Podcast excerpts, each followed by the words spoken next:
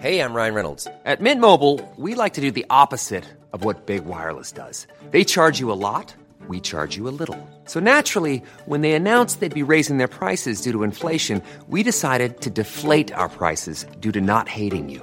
That's right. We're cutting the price of Mint Unlimited from $30 a month to just $15 a month. Give it a try at mintmobile.com slash switch. $45 upfront for three months plus taxes and fees. Promo rate for new customers for limited time. Unlimited more than 40 gigabytes per month. Slows. Full terms at mintmobile.com.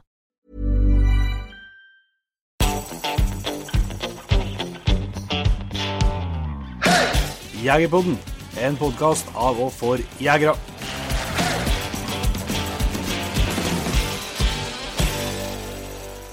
Hjertelig velkommen til en ny episode av Jegerpodden.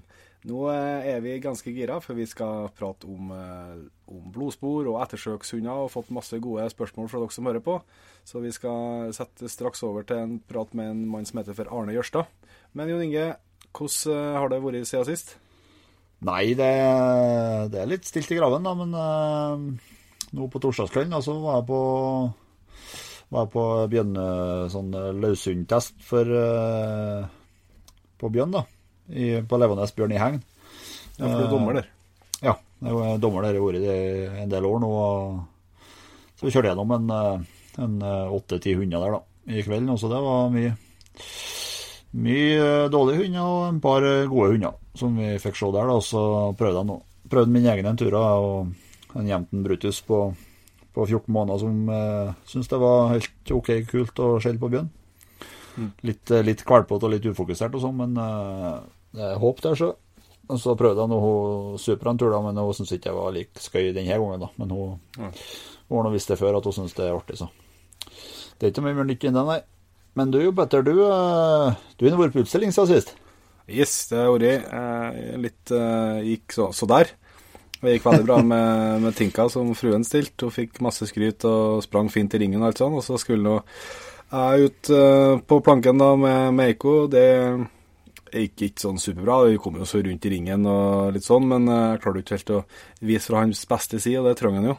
Eh, Men jeg fikk nå den, eh, den premien jeg trengte for, treng for å kunne stille på, på jaktprøve til høsten, så det var det som var, var målet.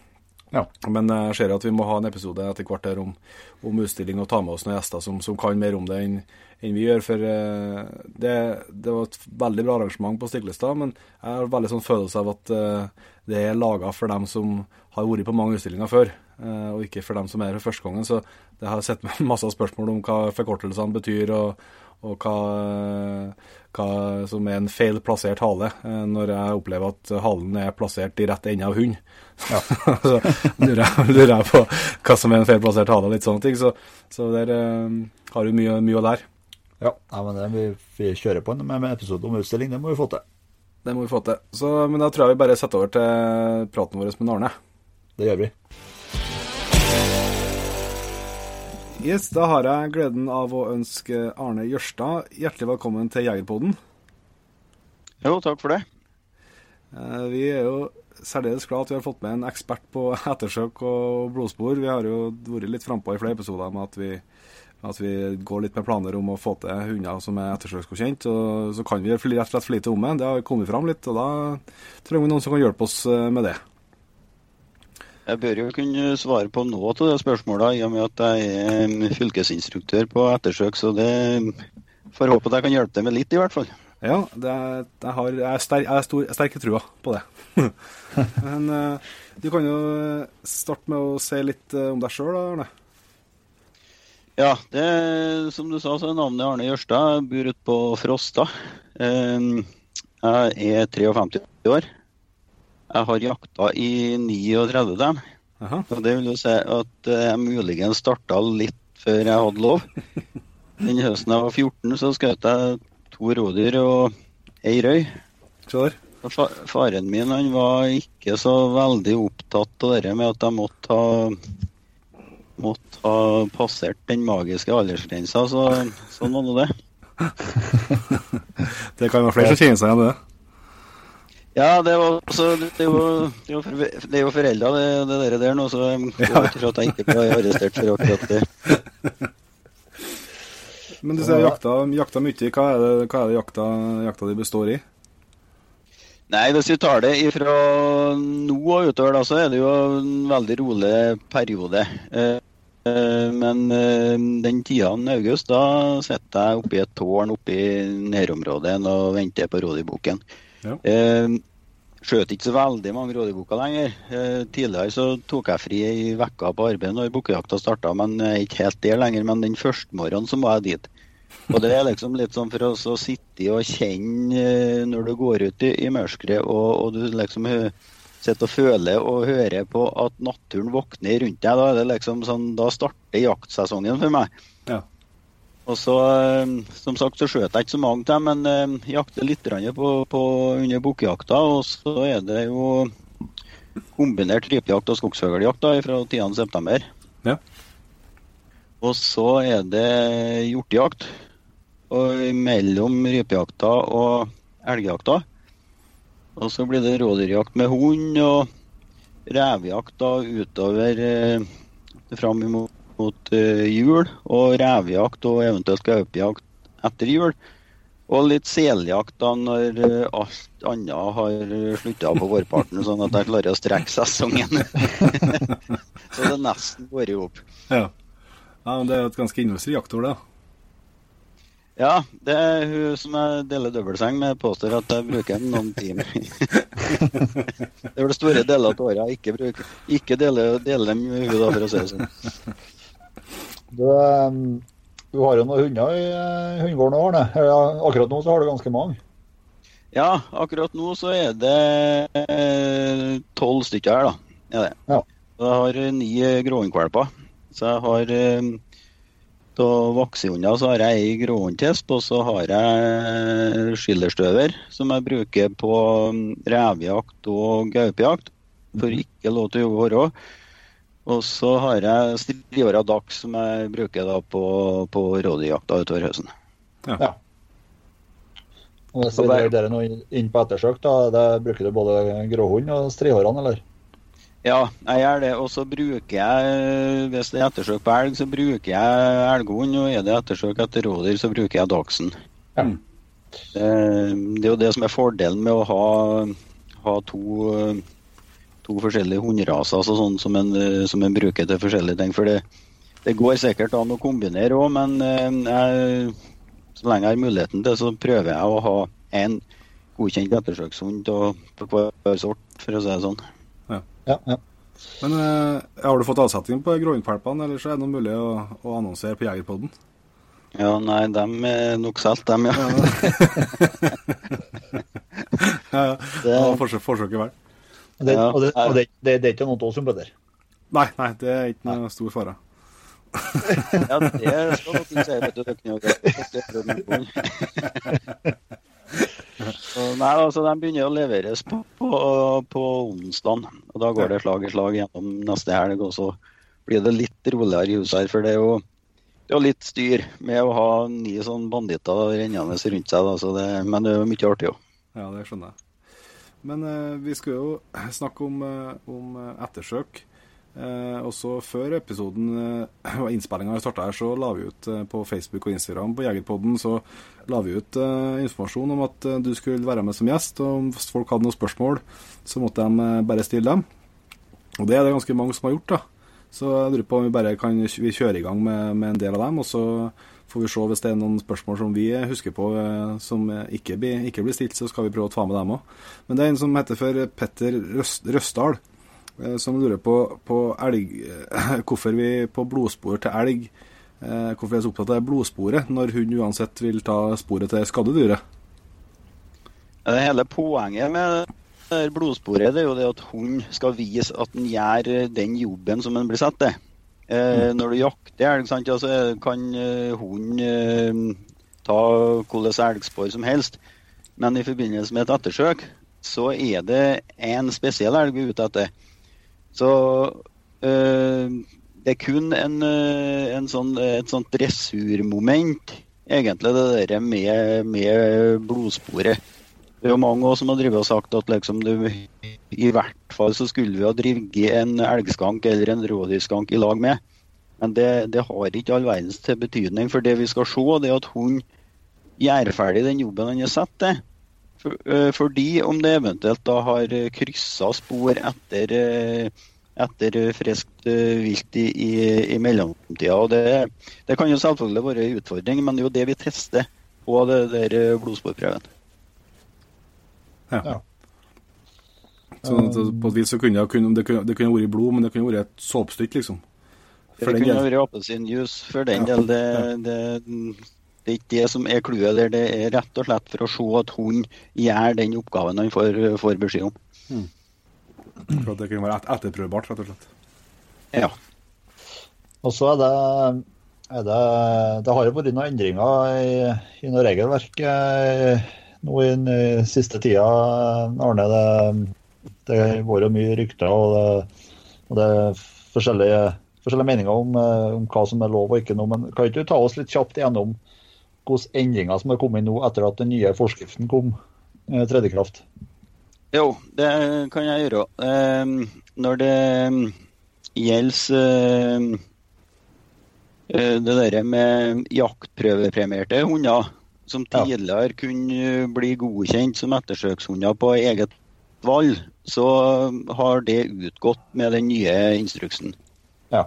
Men eh, de hundene som var godkjent etter de reglene tidligere, de er godkjent så lenge de, eh, så lenge de lever. Men Det er ikke- det er ikke tilbakevirkende. Nei. Så, men eh, skal du føre fram en offentlig godkjent, ettersøk, godkjent ettersøkshund i dag, så er det, må du gå både blodspor og fersksporprøver. Ja. For, for sånn som det var før, så hvis du hadde jaktprøvepremiering på hund, så kunne du bare gå ferskbordprøven, og så var det greit? var det så? Ja, for da kunne Ja. du få den godkjent på, på, på eget valg. Ja.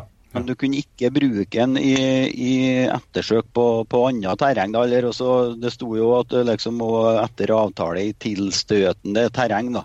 Ja.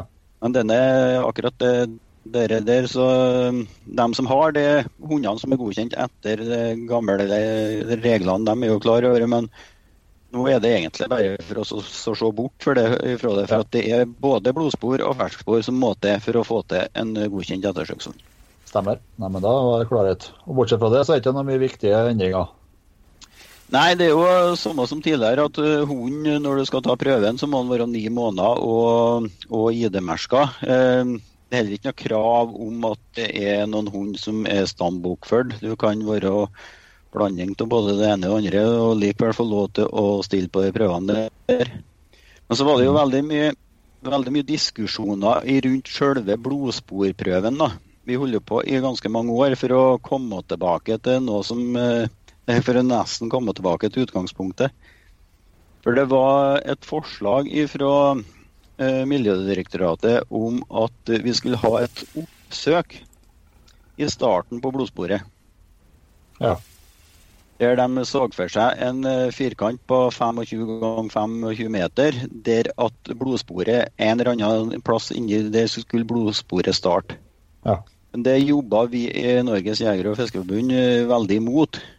På grunn av, sånn som jeg da sa tidligere, og det vi, det vi tester med blodsporet, det er at hund gjør det en får beskjed om.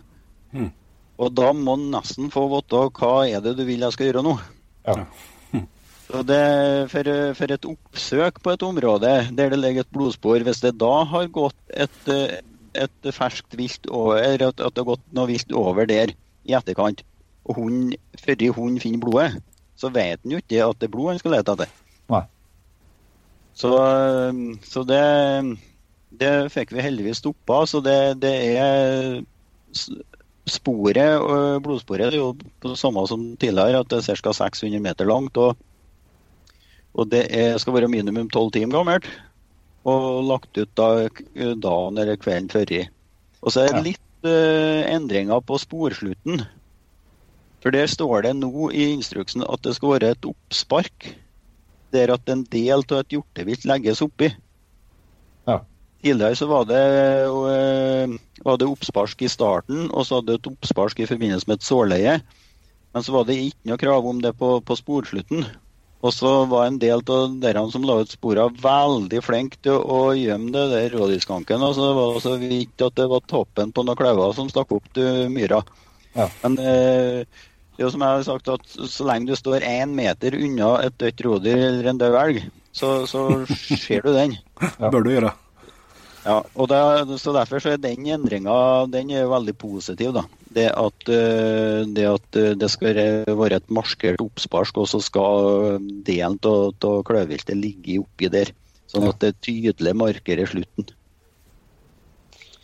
Ellers så var det jo tidligere sånn at med en godkjent ettersøkshund, så hvis du hadde det, så kunne en annen enn gå opp og få den godkjent hvis den tok enten blodspor eller ferskspor. Ja. Men det ble til slutt i forbindelse med det revisjonen. Skal eh, den personen nummer to som skal, som skal gå opp til prøven, han må ta både blodspor og fersksporprøven. Ja. Ja, for det er ekvipasjene man godkjenner, og ikke, ikke hund Ja. alene. Mm. Yes. For det er jo et spørsmål vi har vært litt inn på en del av nå før, både en som heter før Erlend Rån Sæter og en som heter Gunn Hege og Stian Nordli. De har eh, spurt litt om disse kravene.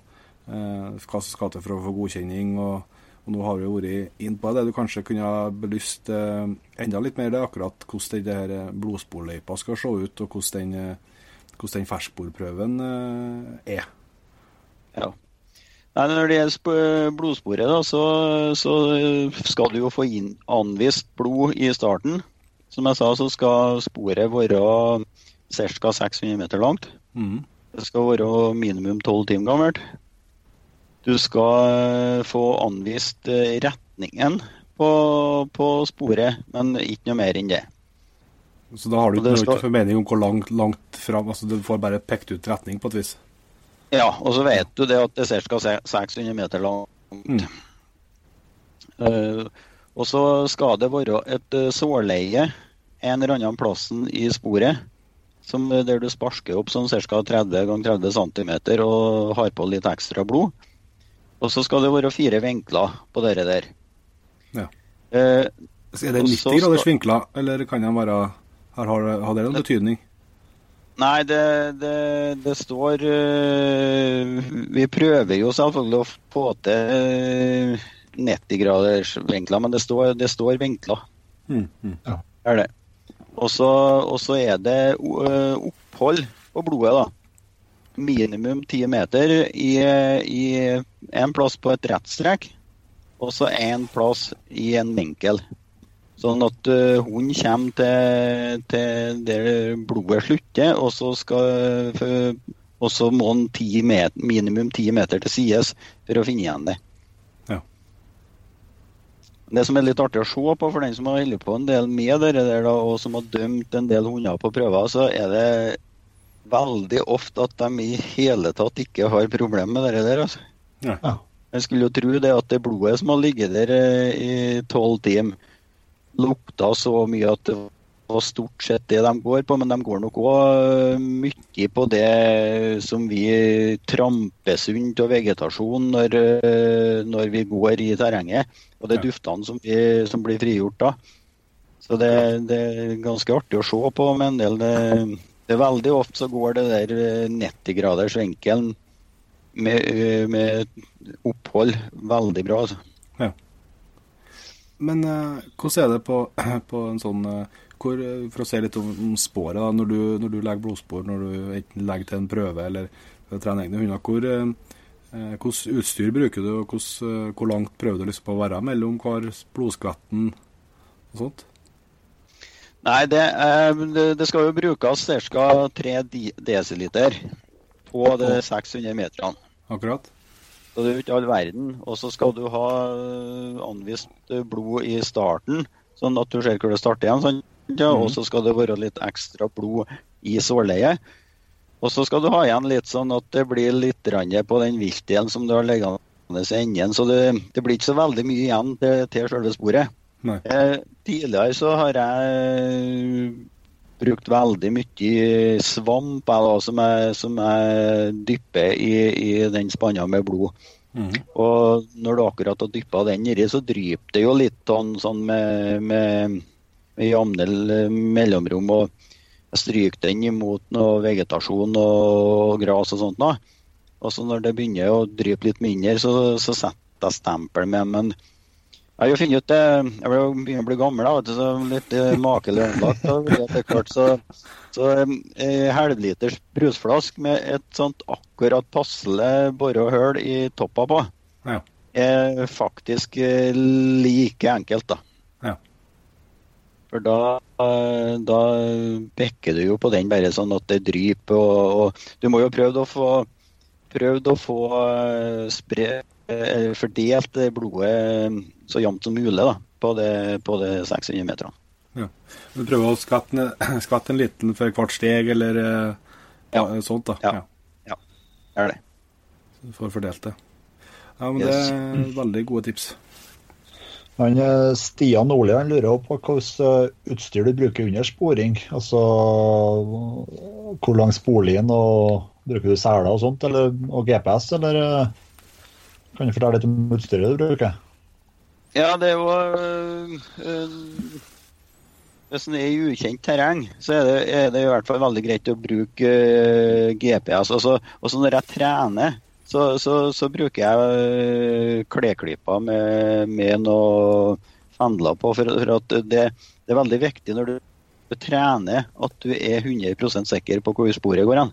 Ja. Sånn at du slipper å gå og spekulere på det. For det, det som er oppgaven din når du trener, det er også å se på reaksjonen på hund. Så det Og så eh, Skal vi se hva det var det andre du spurte om, Jon Inge? Sp- Sporlina og hvor, hvor Ja, sporlina. Ja. Ja. Nei, der, eh, der Jeg bruker bestandig seler, både på Ja. dagsen og på, på elghund. Og det er seler som jeg bruker når vi går eh, blodspor, når vi går ettersøk. Og på, på elghund så er det få gangene at jeg kan finne på å gå med bannhund. Det er ikke så veldig ofte, men det, det hender seg. Da, da bruker jeg den samme sela. Men, det, men det er kun i forbindelse med, med sånne sammenhenger. Ja. Og så eh, eh, ser jeg jo en del som de har jo både 10 og 12 meters lin. Det syns jeg blir litt mye, for det, det har jeg egentlig Ja. ikke bruk for. Men sånn, en sånn 7-8 meter, sånn at når du har funnet elgen og skal begynne å vomte den alene, så har du en taugstump så du får betta fast en bakfot, og, og så det gjør det litt enklere. Ja. Så, men øh, det, det, det er ikke så ofte at jeg ligger helt bakerst på den øh, sporlina som er 7-8 meter, eller? Nei. Det er det ikke. Så jeg bruker ikke å ha dem lenger enn det. Men det er klart det er litt sånn smak og behag. Hvor, eh, hvor langt framom deg har du hund da, når du, når du liksom vet at han er på sporet og, og at du føler at han går sporet bra? Har du liksom bare en to-tre meter framom deg? da? Ja, det er, når at uh, hunden har bra kontroll, så, så vil jeg være nær den sånn at, uh, at jeg liksom får med meg det, det minste tegn da, på at den øh, kanskje er litt usikker eller noe sånt. nå. Ja. Så, så det, det er veldig viktig at du, at du ikke gir så mye lin, spesielt med en dags i, i røsling. sant? Ja, så, og over en uh, liten kul, så, så, så, så ser du ikke når den drar over på andre sida. Så han, han må være liksom innpå hunden, sånn at Ja. du får lest de signaler som hunden uh, sender ut når, uh, når den går på sporet. Ja, Akkurat. Det er mye gode tips, Jon Petter. Ja, det er veldig mye. Jeg lærer Jeg, jeg skjønner jo at jeg ikke har gjort alt riktig alt rett. så det er, for noe, det er noe litt av, litt av poeng. Hey, I'm Ryan Reynolds. At Mint Mobile, we like to do the opposite of what Big Wireless does. They charge you a lot, we charge you a little. So naturally, when they announced they'd be raising their prices due to inflation, we decided to deflate our prices due to not hating you. That's right. We're cutting the price of Mint Unlimited from $30 a month to just $15 a month. Give it a try at mintmobile.com slash switch. $45 upfront for three months plus taxes and fees. Promo rate for new customers for limited time. Unlimited more than 40 gigabytes per month. Slows. Full terms at mintmobile.com. Eh, også, men Du har vært inne på en del eh, eh, treningstips nå, men Morten Lund hadde òg litt sånn om, om treningstips og hvordan man som Litt mer sånn spesifikt da, på hvilken alder du tenker man eh, bør begynne, og om man bør ha forskjellig tilnærming kan si, til treninga avhengig av hvilken rase man har. Ja, det, det er det jo selvfølgelig mange meninger. Men eh, med, med dachs og, og elghund, som jeg har hatt uh, mest. Da. Så jeg begynner jo ganske tidlig med meg og, og, og liksom for å få dem til å følge et spor. Men det er jo vanligvis ikke så veldig vanskelig med den uh, hundrasen, for det, det, ligger jo i de fleste at ja. de skal, skal, skal, følge et spor. Så, så uh, det, det, det, som er aller viktigst, tror jeg, for å, ikke for å klare prøven, men for å få til en, en god ettersøkshund, det er at vi er veldig flinke til å ha med oss hundene på fallet. Det, det er gangene at det, at det detter elg eller rådyr. Og der eh, jeg fer bestandig, Har jeg en eh, dagskvalp på huset, så fer jeg bestandig hjem og henter den når jeg har skutt et rådyr. Ja. Og så får han spor de siste meterne eh, fram til ditt dyret ligger.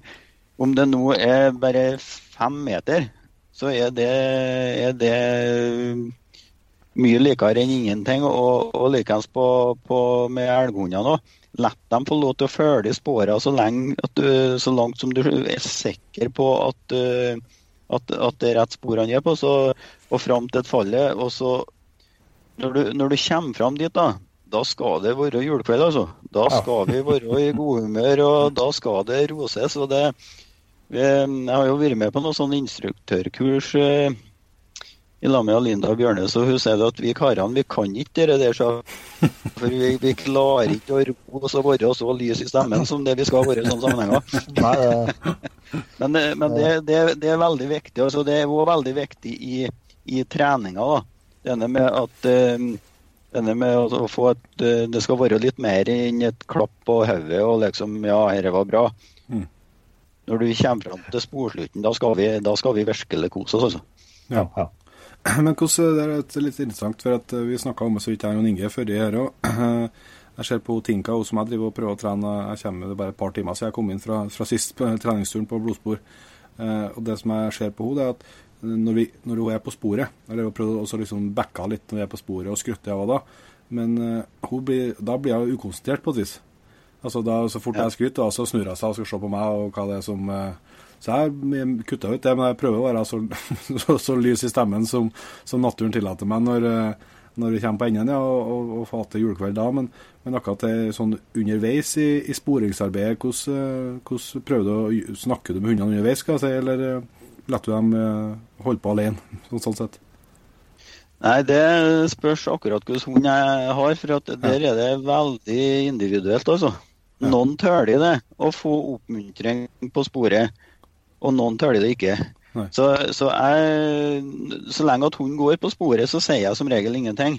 Nei. Hvis den får et tap, så passer jeg på å, å skryte akkurat når den tar av sporet igjen. Ja, ja.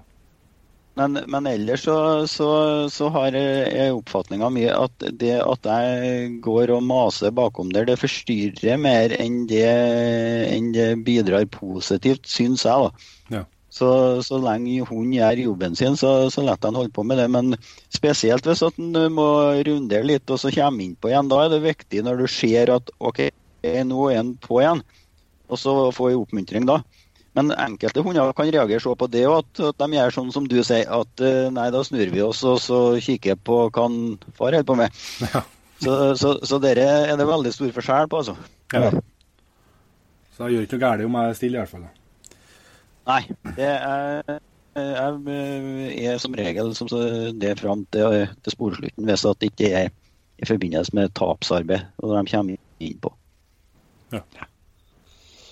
Um, så en annen kar her, Erlend Raen Sæter, han eh, lurer litt på det med hundraser. Um, hva som funker best til hva og sånn. Og det kan jo være litt, litt altså at uh, man bruker vel helst kanskje dags og drever og, og litt sånt til, til rådyr, og så litt mer, mer imot uh, gråhund og jevnt og sånn på elg. Men uh, sånn som dere, dere litt mer sporspesialistene, sånn som uh, Bayers kvillsporhund og hanoveransk kvillsporhund og sånn. Kan du si noe om dem? Er de, er de likere retta mot rent ettersøk? Ja, er, du må til med samme treninga med dem som med en gråhund eller en dags. Eh, ja. Det er jo en del som har trodd at hvis vi kjøper oss en sånn eh, hund, så ordner det seg sjøl. Men det, det, er ikke sånn det fungerer, altså. Nei. Er det ikke. Og eh, jeg har eh, dømt veldig mye, mye forskjellige raser på, på de prøvene jeg har dømt. Ja. Og på, i hvert fall på blodspor så, så er det jo veldig mange eh, hunder som ikke er av jakthundraser òg, som, eh, som, eh, som, gjør det veldig bra. Ja. Så det går an å få til med, med de fleste hundene, altså. Det er klart ja. Noen hunder må du trene litt mer med enn andre, men det, sånn er det innenfor en rase, innen samme rasen òg. Mm. Så jeg, jeg, jeg, jeg har jo elghund og dags som, som ettersøkshund pga. at det er det jakthundene har. Ja. Og nå er det jo en del som mener at det må vi bort ifra. At vi skal bruke det vanlige jakthundene. Det er jo en del sånn spesialistmiljø som mener at denne, den er ikke noen oppgave for en vanlig jakthund. Og der er jeg totalt uenig. Mm. Og der har jeg sett gang på gang at, uh, at hunder som vi har eh, trena fram som ettersøkshunder, og vi bruker dem på jakt, og når det blir en vanskelig situasjon, så løser de oppgaven i de aller, aller fleste tilfellene. Altså. Mm. Så det denne med at uh, enkelte ønsker oss en gang fram i tida borti en situasjon der at vi må ringe en eller annen spesialist, det har jeg ikke noe tro på. En vanlig jeger med en, med en offentlig godkjent ettersøkshund gjør stort sett den jobben der helt utmerket. Mm. Ja, så må det jo i så, et sånt tilfelle så måtte jo altså eh, måtte ha blitt veldig lang utrykningstid og sånn, da. Og så Selv om det har vært spesialisthunder, så er det klart hvis du er langt inni Altså meg som jakter ganske langt ifra, ifra noen store sentrumsområder, så, så kan det fort liksom, hvis du må sitte og vente i, i en sju-åtte-ti timer, så må jo vinninga gå litt opp i spinninga òg, tenker jeg. Ja, nei, og det, det, er Jeg tror dem som ønsker seg dit, de, de er jo ikke klar over at uh, landet er så vidstrakt som det er. For, at, uh, for å få oppfylt det der, det, det er vanskelig. for at har du, jakter du elg i et fjellterreng noe sted, altså, du har ikke noen sjanse for å få dit noen folk på, på, i løpet av fire timer. Nei, nei. Så, nei, Den vanlige jeger med, som har fulgt fram hund til godkjenning, de uh, ut, uh, løser det på, på, en utmerket måte i de aller, aller fleste tilfellene. Mm. Ja. Det, er godt å, det er godt å høre. Men uh, litt uh, på, på treninga på, på raser, vi var så vidt innom det. Men uh, du legger opp treninga forholdsvis likt da, om du begynner med en dags eller om du begynner med en gråhund? Ja, der, der gjør ikke jeg noe forskjellig.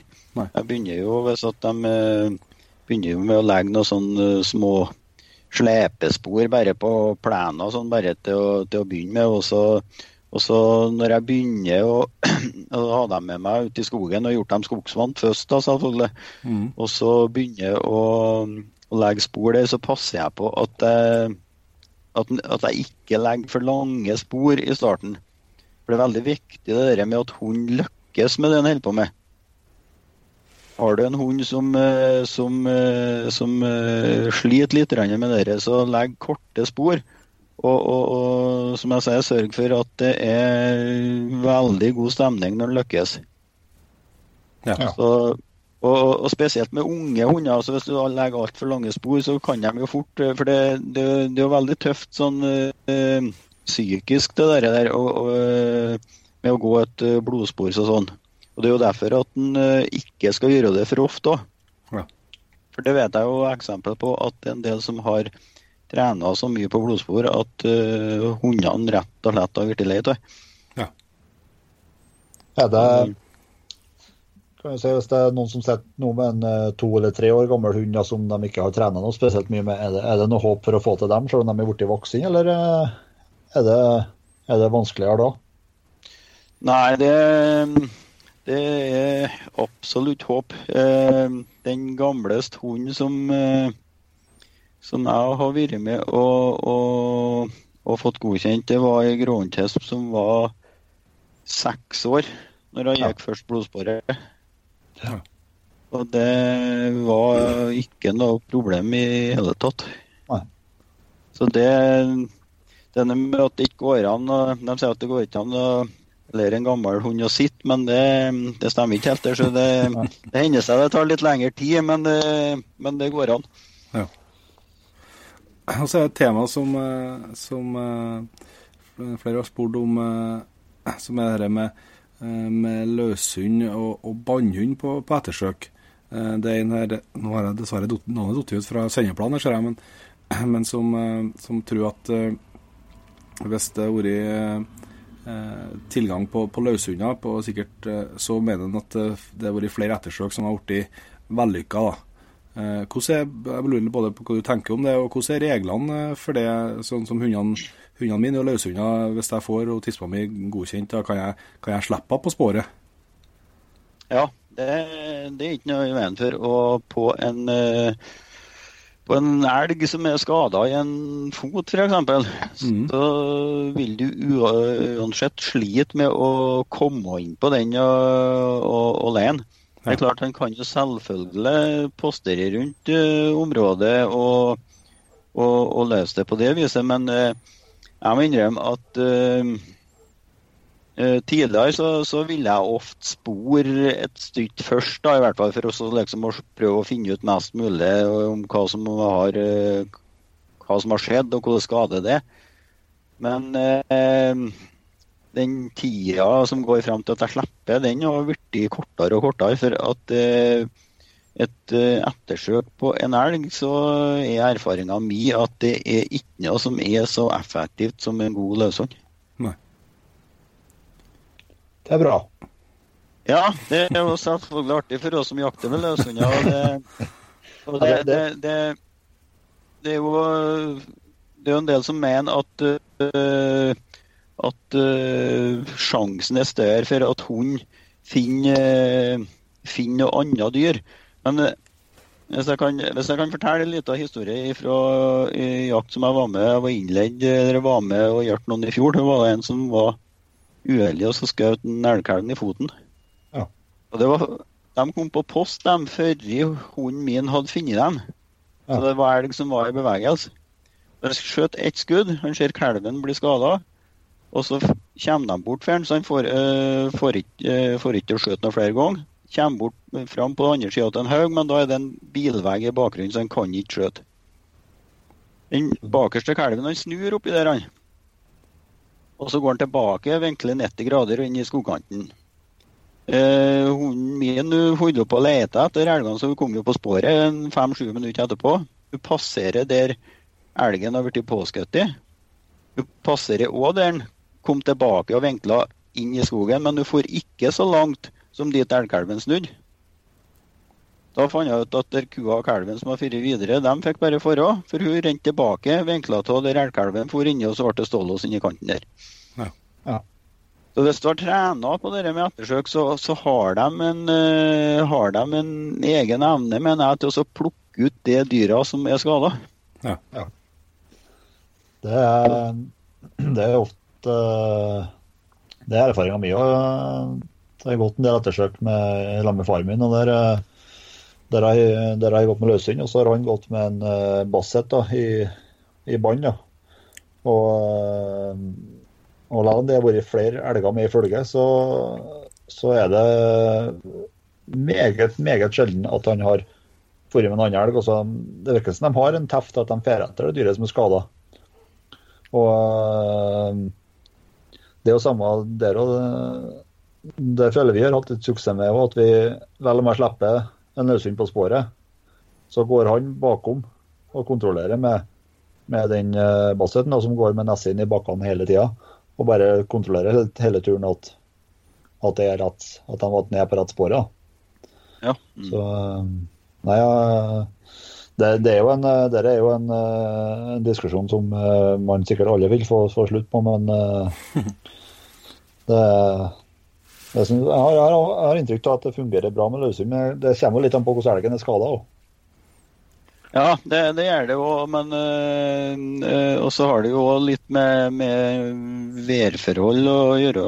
Var på, vi var jo uheldige på jaktlaget mitt for noen år siden og presterte å, å, å skadskjøte en oks når at det var ja, Jeg kan ikke huske på sist det har vært så bløtt som det var da. Og det, Han kryssa elven og gikk myrene der at uh, vi har ikke hatt sjanse til å komme etter eller uh, med, med, en bannhund. Jeg, jeg torde rett og slett ikke å gå elven. Men uh, da, da slapp jeg jo gråhund. og Hun var ikke så veldig glad til å bade, hun gamlemor, men det, det, spilte ikke noen rolle den dagen. Så da anga på, og så ble det stålos til slutt. Og nedi bukt på elva da sto oksen uten, ute i elva der. Ja. Vi har aldri i verden kommet oss dit. Vi, så vi måtte, jo, vi måtte jo ha folk som kjørte rundt for å komme seg innpå for å få, for å få avlivene. Ja. Så Nei, jeg er nok uh, mer og mer dit der at uh, en god løshund det er ofte det enkleste når du har en skade, med en skadeelg å gjøre. Mm. Men på rådyr, da, der holder de eh, dagsen i bånd hele tida, eller slipper du der òg? Nei, og der, eh, der, har vi ikke, har vi ikke uh, anledning til å gjøre, gjøre, det på samme vis. Det, det, også, det, det, er klart det kan være en dag som, uh, som uh, som uh, ro, uh, altså et dyr som er skada, som får det til å, til å ture i et, uh, i et, lite område. Så det, men det, råd, det, rådere har ikke, stopper, stopper ikke, så står ikke i los som en elg, liksom? Nei. nei, de gjør ikke det. Så da, da, skal de være veldig skada, og da er de så skada at da, da, kommer du deg innpå om du går med, med hund som, som bannehund òg. Ja, mm. nettopp. Hvis de stopper deg for en hund, så stopper de for deg når, du, når du kommer etter på, på sporet med, med, en hund. Så, så, det er nok uh, på elg og så også på hjort. Til dels eh, der uh, skada hjort kan jo òg stå, stå, bra for, for elghund. Ja. ja. Nei, men Da har vi fått litt svar på det. Så Alexander Solum som lurer litt på dette med rundt temaet om rovdyr og ettersøk. Eh, er det noe godkjenning eh, på, på, rådyr, eh, på store rådyr da, på, på ettersøk? Og hvordan fungerer eventuelt det? Nei, det er jo en uh, bit som uh, SNO uh, tar seg av. Så det uh, Hvorvidt de tre, hvordan de trener hundene sine som de bruker, det, det, det vet jeg ikke. Nei, Men nei. det er ikke noe det er ikke noe reglement uh, som, eh, som, regulerer den uh, biten. Nei. Nei. for det er sånn når det, Da er det fylke, fylkesmannen som overtar på et, hvis det er et stort, og, så, og de rekvirerer SNO og deres hunder? Ja, det er SNO som blir brukt i, i sånne oppdrag. Og så eventuelt lokale jegere som har hunder som som, eh, som, er bra på dere, kan bli leid inn. Men det, det, er ikke noen egne godkjenningsprøver på det, nei. Er det ikke? Nei, nei. Da, da, da, legger vi den død. Ja. ja. Uh, og så er det et uh, tema som vi har diskutert litt uh, innimellom, Jon Inge, og det er dette med avliving av skada vilt. og Det kan jo avgrense det spørsmålet, for det er jo et stort spørsmål. Men det vi tenkte på her, da, det er dette med si at du er på, på elgjakt, eh, og så så ser du, setter du på post, og det er bare kalv igjen på tildelinga. Og så kommer det f.eks. ei ku eller en okse eh, som er tydelig halt eller som er tydelig skada. Mm. I et sånn, sånn tilfelle, eh, skal han skjøte, eller skal han eh, kontakte viltnemnd, eller eh, hvordan, hvordan, henger det i hop? Og, og hva, hva, hva, er lov? ja, hva er lov, rett og slett. Ja. ja, nei, nå, nå begynner vi å komme litt liksom, i grenseland på hva som det finnes, eh, finnes fasit på. Men ja. eh, det står nok noe sånt som at eh, så, eh, hvis, du, hvis, du, observerer et dyr som er så skada at du mener at det ikke kan bli bra igjen, mm. så har du som jeger plikt til å avlive det. Ja. Og da kan du gjøre det uten å kontakte noe, da noe kontakt i forkant. Men har du muligheten, så skal du, så skal du ta kontakt med viltmyndighet og politi i, i, i, forkant. Men det er jo ikke bestandig at en har anledning til det. Så, så er det Men det er klart, hvor mye skader er et dyr som du mener aldri blir bra igjen? Det, Ja. det, det, det er veldig vanskelig å, å gi noe, noe, noe fasitsvar på denne, men jeg har jo, jeg har jo avliva dyr som jeg har kommet over, som har vært skada der at jeg mente at det henne, hen, det, det, blir, det blir aldri, aldri bra. Nei. Det, det kan, kan det være forskjeller som at hvis det kommer en, eh, et rådyr eller en elg som, er, som halter på en fot, som tydelig halter, men du klarer ikke å se at den er, at den er av.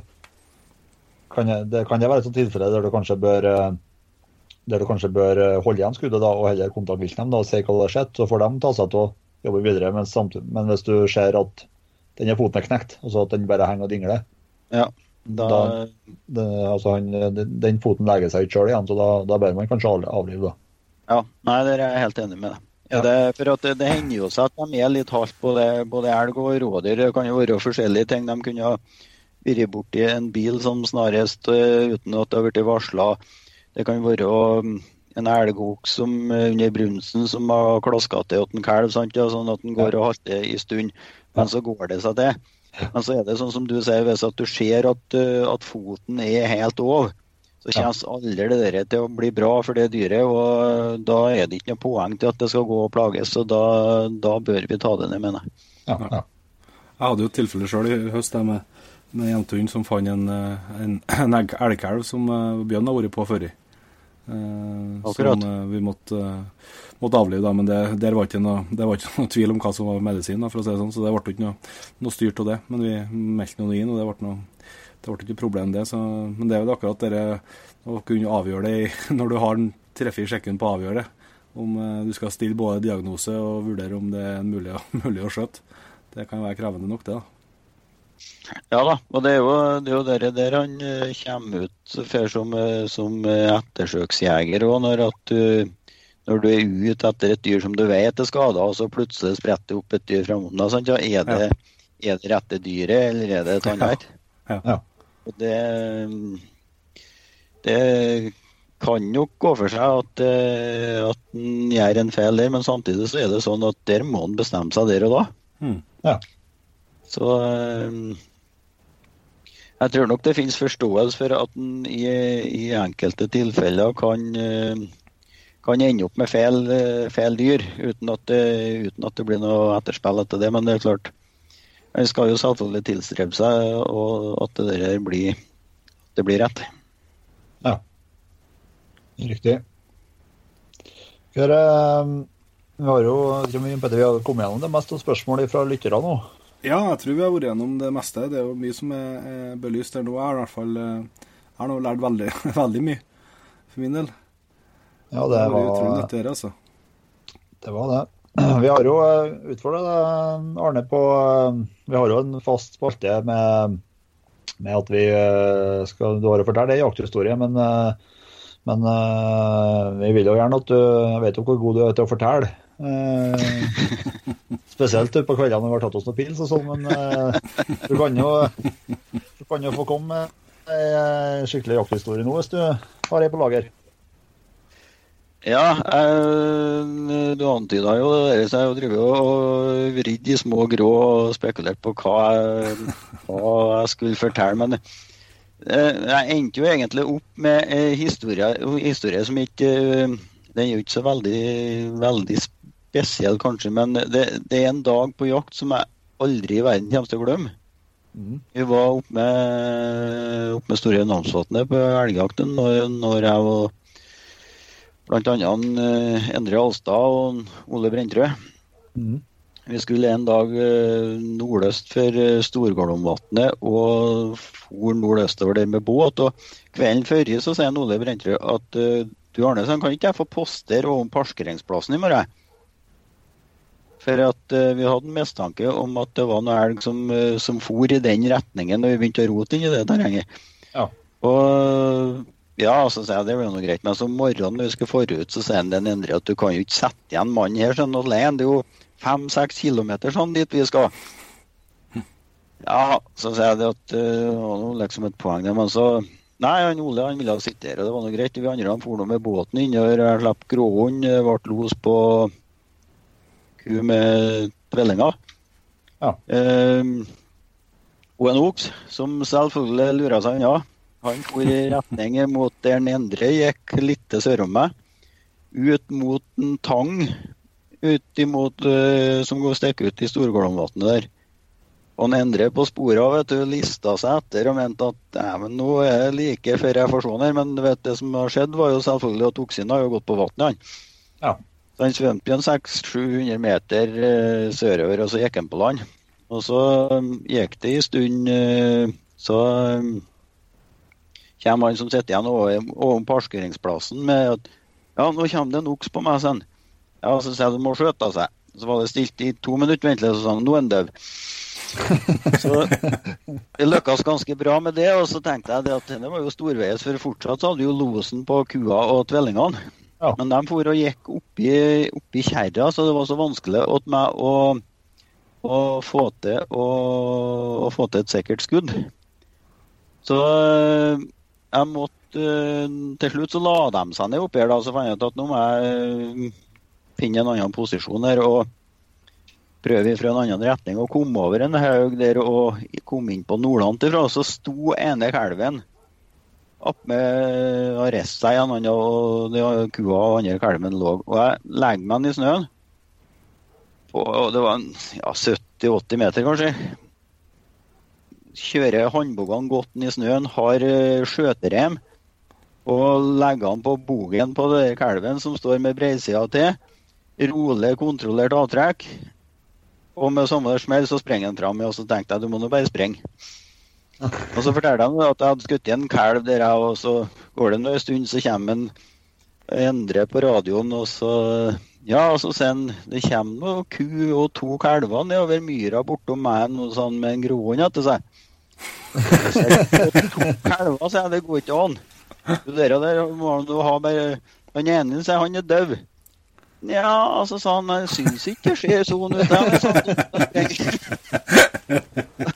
og da, da viste det seg at jeg klabba til. Og når jeg kom snikende over det haugen og la meg til i snøen, så har jeg skutt i, i snøen framom meg. Ja. Så det, ja, den havna jo ikke i nærheten av elgkalven i hele tatt, så det var ikke noe rart at uh, han så lovende ut når han sprang, for det ikke var det et hår på skuddplassen, og ikke var det en bloddråpe på. Det er greit å se på snøen. Og det. Ja, det var det. Men han syntes han sprang godt til at han var død, han Endre i hvert fall. det var han som satt ved parkeringa som hadde lyktes mest? Ja, det var det. Og jeg så jo for meg det når jeg fikk løsna skudd på kalven, at det ble jo en kjempedag. Men jeg må jo innrømme at akkurat det der skuddet i snøen der har gremma meg litt i ettertid, da. Jeg har ikke helt, har helt klart å glemme det. Men sånn er det når du jakter. Det er ikke bestandig det går akkurat sånn som man har tenkt det.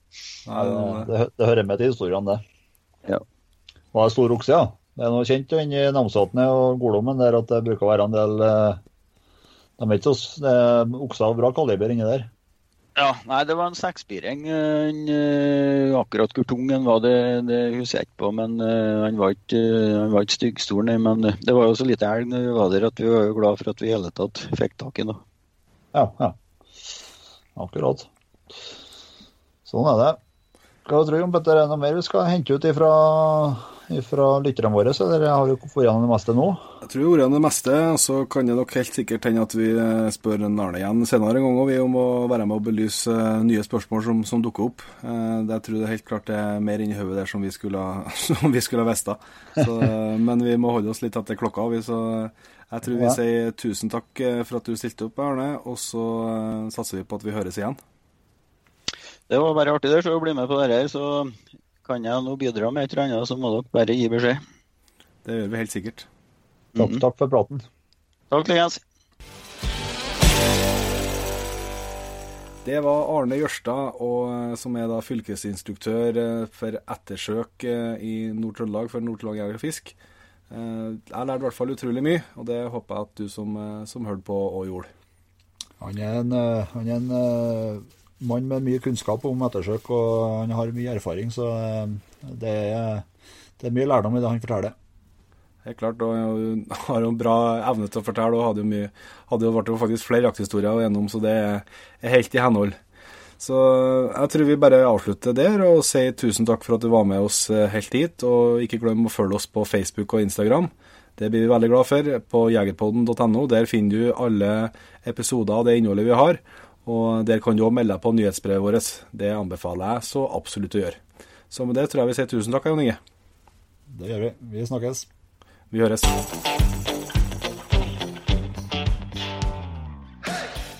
Tusen hjertelig takk for at du valgte å bruke litt av tida di på Jegerpodden.